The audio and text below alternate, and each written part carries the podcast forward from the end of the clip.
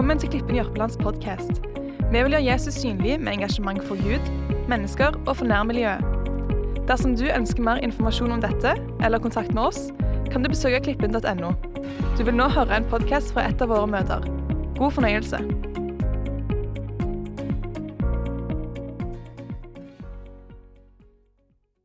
I dag så er det jeg skal tale, og jeg har en tekst som jeg gleder meg til å lese. En tekst som egentlig har uh, ligget på meg en god stund og både inspirert meg og utfordra meg. Og egentlig veldig vært tydelig i min hverdag på hva jeg prioriterer, hva jeg setter fokus på, hva er det som på en måte er det jeg bruker mye tid på. Og det er jo utfordrende i den tida vi lever i, der vi er veldig opptatt av eh, mål og resultater og være produktive og det ene og det andre. Så er det klart at det er ting som utfordrer. Men Vi skal ta oss og lese en tekst, og så skal vi ta oss og se på det i lag. Jesus han sitter hos noen av lederne av fariseerne.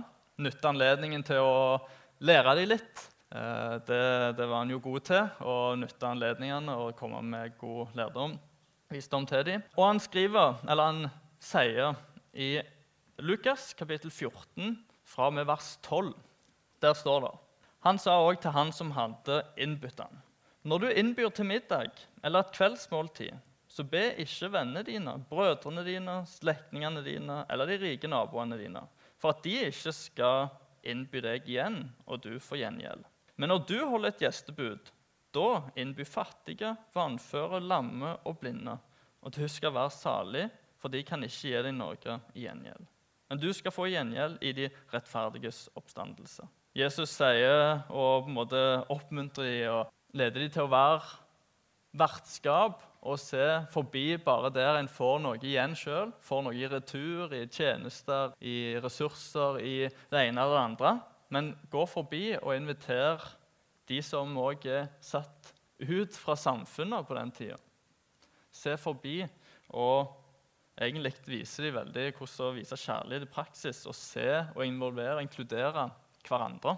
Og så sier han videre, så er det en her i vers 15. Da nå en av de som satt til bords med han, hørte dette, sa han til han, salig er den som får sitte til bords i Guds rike. Han hører nok når Jesus lærer dem at uh, wow, dette var fint og dette var bra å, invitere alle, ikke bare være opphengt i på en måte, hva jeg får igjen, får i retur. Hvor bra skal det ikke da være å få sitte til bords i Guds rike? Og det er da Jesus kommer i vers 16 og sier Da sa han til ham, et menneske holdt et stort festmåltid og innbød mange. Da tida for festmåltidet kom, sendte han tjeneren sin ut for å si til de som var innbudt, Kom, for nå er alt ferdig. Men hver og en av de begynte å unnskylde seg.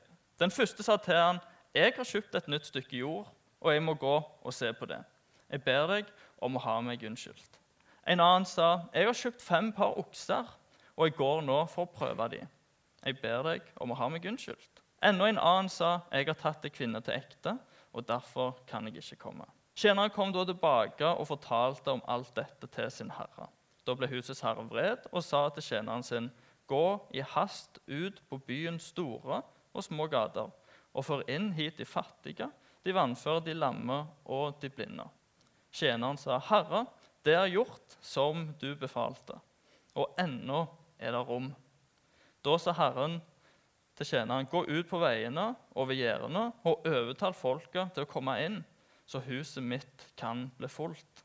For jeg sier dere at ingen av de mennene som var innbudt, skal få ta del i festmåltidet mitt. Jesus han uh, forteller om en uh, vert som uh, inviterer, som sender ut en invitasjon om at det er en fest, det er et måltid som er klart, som er allerede gjort ferdig, som er klart for å komme til, og som er uten kleskode og uten en forventning i å ta med seg eh, noe til måltid, eller uh, vi har vært i sånn selskap der det er greit om du tar med et, en, eh, en, rett, eller du tar med deg noe brus eller salat for fellesskapet. Men her eh, sier Jesus at eh, det er en invitasjon som går ut om en fest som allerede er klar, som er ferdig. Det er en En eh, vert som er raus, som både strekker seg ut, sier 'gå lenger ut', 'gå lenger ut', gå til alle folkeslag, gå til de som er syke, de som er satt til sides av samfunn, som er utstøtt fra samfunnet. Gå til alle og inviter. Der er rom, der er plass. Vi må få invitere flest mulig. Og så synes jeg på en måte at det, det skjer i en sånn en respons til han her som eh, sier 'salig den som får sitte til bords i Guds rike'. At det er som Jesus forteller at invitasjonen til Guds rike og til å sitte til bords med Gud og til å være i fellesskap med Gud, den er allerede sendt. Den er allerede sendt til oss, at vi allerede kan få lov til å ta imot og allerede nå ta del i det som Gud har gitt for oss. Vi har allerede nå mulighet til å få en smakebed på Guds rike her og nå. Det var det Jesus lærte oss når han var her på jorda, at Guds rike er kommet nær. Og Han demonstrerte det gjennom helbredelse, gjennom tegn og under, gjennom satt mennesker fri. Gjennom det han sa, det han lærte oss, så får vi lov til å ha en relasjon, ha et fellesskap og få lov til å sitte ved Guds bord. Så Det var en fantastisk fin eh, sang vi fikk nå rett før, som egentlig passet godt til at eh, vi er invitert til å få ta imot og få til å egentlig komme med det vi har. For jeg tror at den invitasjonen den går ut til meg og deg om at vi er invitert til å ta del i Guds rike. Vi er invitert til å få ha fellesskap med Gud nå, både her på jorda og i en evighet. Det er ikke bare noe som en gang kommer, det er ikke bare noe som vi ser fram mot at salig skal bli den som en gang får, men vi har lov til å ta imot fellesskap med Gud her og nå, i dag. Vi får lov til å komme og få tilgivelse hos Gud. Det er ingen fordømmelse for den som er i Kristus, kan vi lese. Og det er fantastisk å, å vite at vi kan få lov å komme til Han Sjøl med våre feil og mangler, våre tidligere feil vurderinger og feil beslutninger. Tatt noen feil veier, gått på noen smeller, gått på trynet eller uh, hva vi sier. Men vi får lov til å komme med det vi har, med den uh, historien vi har, og få be om tilgivelse og få lov til å leve et liv i frihet uten fordømmelse. Vi får lov til å komme og ta imot et liv i, med fred David som talte sist søndag, ut på teltet, en historie om en som hadde vært på alfakurs og opplevd eller erfart at uh, Gud er Gud, jeg er ikke. Og jeg tror det er en enorm fred i det òg å vite at det er Gud som er Gud. Og som Asle også sa, vi har ikke kontrollen på alt. Vi klarer ikke å ha oversikten over alt. Vi klarer ikke å ha styring på alt. Vi fikser ikke alt og har orden på alt, men vi kan få lov til å leve i en fred om at uh, Gud han har kontroll. Gud er Gud. Det er ikke opp til meg, det er ikke opp til mine krefter og ferdigheter og egenskaper. Men vi kan få lov til å bare leve i en fred om at Gud han går med oss. Han våker over oss. Det er han som har all makt i himmel og på jord. Det er han som er trofast fra evighet til evighet. Nå skal han få lov til å få kraft til å leve det livet som er her på jorda. Og vi kan også få lov til å ta del i den frelsen som han har gitt oss. At vi òg skal få leve i evigheten i paradis sammen med han. Han har et liv for oss her på jorda og et liv inn i evigheten. Alt er ferdig, alt er klart, og vi får lov til å bare ta imot. Og få lov til å sette oss ned og være ved Guds føtter, ved Guds bord, i fellesskap med Gud. Og det er fantastisk. Men synes jeg det er fascinerende da, det som Jesus skriver etterpå, at det er en del som takker nei til invitasjonen. Og Vi leser spesielt om, vi får vite tre konkrete eksempler. Der det er en som eh, skulle kjøpt seg noen nye kyr til gården. En som har eh, et nytt stykke jord, og en som har, skulle hjem til kona. Og så er Det litt sånn, det er jo ting så, jeg synes det er interessant at han bruker det som eksempler. For det er jo egentlig ting som vi syns er bra, som er fint, som eh, vi heier på, og som vi på en måte oppmuntrer til sant, og har eh, gode forvaltere av det Gud har gitt oss. og alt Det der. Det er jo ikke ting som på en måte er vonde og negative, problematiske i seg sjøl. Men jeg tror at det, Jesus viser seg at det til og med er ting som vi på en måte ser på som gode, som bra. Til og med det kan òg ta førsteplassen fra Gud. At til og med det kan gjøre at vi prioriterer det foran relasjonen med Gud. Det handler ikke på en måte om at vi ikke skal være ute og drive gård, sånn som de eksemplene her. Men vi skal få lov til å ha utgangspunktet vårt hos Gud. Jeg vet flere her er inspirert av f.eks. Hans Nilsen Hauge, som vel egentlig gikk Norge på langs flere ganger og, og forkynte evangeliet eh, og formidla det, selv om det var ulovlig på den tida, for han ikke var prest. Eh, og så reiste han rundt og starta organisasjoner og bedrifter. Hjalp til og hjalp med finansiering, sånn at eh, mennesker fikk arbeid, folk fikk det bedre. Så det er jo klart at vi må heie på å bruke de gavene talentene vi har i samfunnet, i arbeidsplassen, på skolen, der meg og deg er. Men så kaller Gud oss òg til å sette oss ned og være i fellesskap med Han. For hva er det som gjør at disse her tenkte at nei, de, de hadde noe viktigere de måtte gjøre, eller noe bedre de måtte gjøre hadde de ikke tid, eller hadde de ikke behov? Eller var det rett og slett en litt sånn miss mellom deres ambisjoner og det som Gud inviterer dem til? Og jeg tror litt sånn I vår respons òg, eller prøve å tenke hva er det, hvordan vi responderer Jeg kjenner meg i hvert fall veldig igjen i på en måte dette her, for at uh, vi er veldig opptatt av selvrealisering og utvikling. og Vi skal liksom bli bedre på ting, og vi skal skape resultater, og de skal være veldig gode. Eh, og vi skal være produktive, og eh, vi har mange idealer om hvordan det skal se ut både i yrkesliv og familieliv. og På det ene og det andre så har vi så mange ting som gjør at vi på en måte, det kan være det som blir vårt hovedfokus, vår hovedprioritering. Og så tenker jeg, er det, Gir vi rom for å ta imot det som Gud gir oss, eller gir vi rom for fellesskap med Gud oppi det? Er det et samsvar mellom våre ambisjoner og våre mål, det vi på en måte jager etter i våre liv, og fellesskap med Gud og den relasjonen Gud kaller oss til? Hva er det som egentlig har førsteplassen i livet vårt? Hva er det som er, på en måte, er vår prioritering? Hvordan på en måte ser vi det ut i det vi gjør? For meg har, har, denne historien blitt litt sånn at av og til så må jeg kalibrere hjertet mitt litt når jeg ser at jeg får nye interesser og ting som må bare sluker alt som jeg måtte ønske å gjøre, og, og, lese og holde på og fikse ting. Og det, det er bra. Vi, vi, måte liker jo det at vi kan bruke det som Gud gir oss.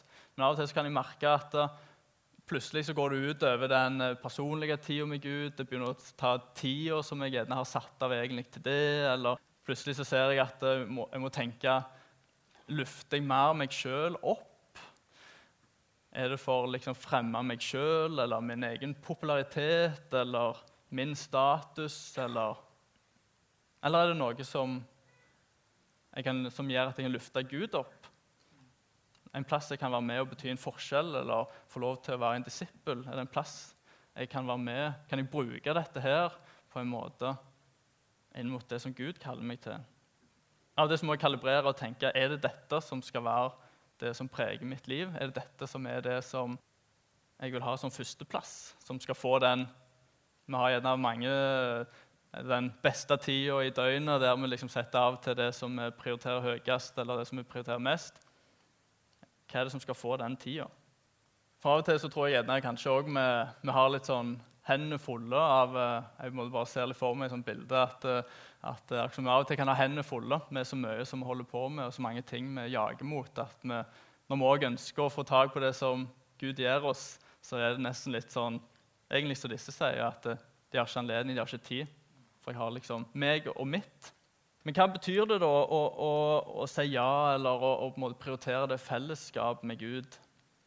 Å takke ja på invitasjonen? Da tenker vi fort, da er det mange ting vi må gjøre eller mange ting vi må fikse. Eller, sånn. da, er det mange nye gjerninger og handlinger. og, og, og eh, Du får liksom en arbeidsbeskrivelse. Men vi leser i, i, Matteus, i slutten av bergpreken Matteus kapittel 7 så sier Jesus det at det er flere som skal komme til han på den siste dag og si har vi ikke profetert i ditt navn, har vi ikke drevet under ånder og gjort store gjerninger i ditt navn? Men så sier han til, til dem at jeg kjenner dere ikke.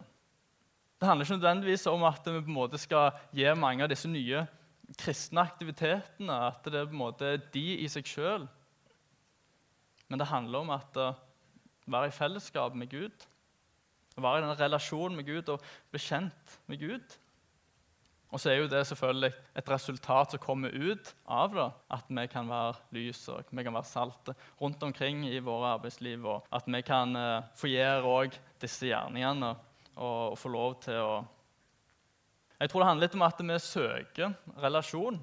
At vi søker å bli bedre kjent med Gud, bli bedre kjent med Jesus gjennom Bibelen, gjennom Hans ord gjennom bønn. Vi hørte Jim talte for noen uker siden om bønn og dialog med Gud. og Det er et godt, en god plass å, å, lære mer om det, for det var veldig bra. Hvordan vi kan liksom leve i bønn og leve i en dialog, leve i en toveis kommunikasjon med Gud. At det ikke bare er énveis, men vi kan få lov til å leve i et, i et fellesskap. Og vi kan gjøre det også i lovsang og tilbedelse. Jeg tror det handler litt om at vi også kan snakke mer om tro. For Veldig ofte så er det litt sånn at uh, snakke om tro det, det gjør han som forkynner, eller det gjør vi på søndagen. Men det at uh, det blir en del av våre liv å dele erfaringer og snakke om tro i hverdagen og hjelpe hverandre. Vi som fellesskap her har en god mulighet til å hjelpe hverandre på denne trosreisen i dette livet sammen med Jesus i mindre grupper, i life-grupper eller vennegjenger eller hvor den er. Det at vi kan snakke om det og hjelpe hverandre og ta nye steg. Jeg tror det handler litt om at vi òg eh, tenker litt på retningen. Jeg var på fjellet i, VG, og, og da tenkte på det når du går i heia. Så har du kart, og du kan bruke kompass hvis du vil det. Og du kan eh, stille inn eh, kompassnåla sånn at du har retningen for det du skal gå. Men når du først har sett retningen, så er det jo litt sånn at når du kommer tett på terrenget, så ser du jo at du må, du må gå litt til side og komme deg rundt et fjell eller rundt et vann, over en topp, og det kommer hindringer i veien som gjør at vi må på en måte manøvrere oss rundt. Og litt sånn tenkte jeg at det, det handler litt om i våre trosliv òg, vår relasjon med Jesus. Og sånn er det Vi bruker ofte begrepet trosreise på, på liksom dette livet sammen med Jesus. Så at det, hva kurs er det vi ønsker å ha? Er det litt sånn å sette inn kursen på det å bli kjent med Jesus, og så hører vi av og til hører vi hverandre sine måter å gjøre det på. Og så liksom, vi hører noen som klarer å sette tid og lese kjempemye, og noen eh, har timevis, så de klarer å prioritere tid. Og så er det noen som ikke klarer det. Og så er det ting som gjør at vi, vi er i ulike situasjoner av livet, vi er i ulike faser av livet, vi er i ulike stadier men det at vi stiller inn kursen og stiller inn kompasset og klarer å ta noen skritt om gangen og klarer å ta noen steg og ta et steg i dag og noen steg i morgen og noen steg dagen etterpå, så det er det ikke sånn at vi på en måte bare snur om på en bryter, og så er vi liksom alle helt eh, samkjørte. Uansett om vi har levd lenge med Jesus eller kort med Jesus. Jeg tror det er viktig at vi tenker at vi er på en reise sammen at vi ønsker å oppsøke mer, at vi ønsker om å se hva som er rundt eh, neste sving, eller hva som er over den neste haugen. At vi på en måte har kursen innstilt og tar noen steg i dag, noen i morgen, noen dagen etterpå. Og så kan vi sånn ta mer og mer steg i den retningen av å bli enda bedre kjent med Jesus for hver dag. Sånn har det vært for meg at eh, jeg har begynt å, å lete etter gode måter å få prioritere tid til Bibelen på. Ønsker å lære mer om å leve det livet i bønn. og Jeg har lest en bok om det. Vi har, vi har Søndagene kommer sammen og får høre mer om andres erfaringer. Vi får høre noen forkynner og prøve å lære dere noe, som, som jeg prøver nå. Men vi kan sammen ta nye steg og nærme oss og bli enda bedre kjent med Jesus. Det er en relasjon, det er ting som skjer over tid. Det er en ting som skjer eh, over lengre tid sånn når vi skaper relasjon til hverandre. Så treffes vi hyppig, så får vi snakke sammen, så får vi lære mer om hverandre. Og så får vi lov til å bli kjent med måten vi snakker på, måten vi lever på. Og jeg tror at uh, ut fra en relasjon så klarer vi å virkelig klare å koble livet vi lever, ut, og det livet som Gud har for oss. Hva ønsker vi skal være um, vår førsteplass i vårt liv? Hva ønsker vi skal være det som vi prioriterer? Det som vi bruker vår tid på og vårt fokus på? Hva vi vil stille inn vår kurs og vårt sikte mot? Gud han har invitert oss til å ta imot det livet han har, og den friheten han har, og den frelsen han har gitt oss. Og at han har et liv for oss her på jorda, der vi kan få lov til å leve som disipler, som etterfølgere, og følge etter Jesus i hverdagen, på våre arbeidsplasser, på våre skoler, i våre familier, i våre heimer. Der meg og deg enn er, kan vi være lys og salt. Kan vi være disipler, så kan vi få bety en forskjell. Men hva er det som er vårt utgangspunkt? Hva er det som på en måte er vårt fokus? Håper dette budskapet har vært inspirasjon og veiledning. Flere podkaster finnes på klippen.no og iTunes. Du er hjertelig velkommen til en av våre gudstjenester. Snakkes der.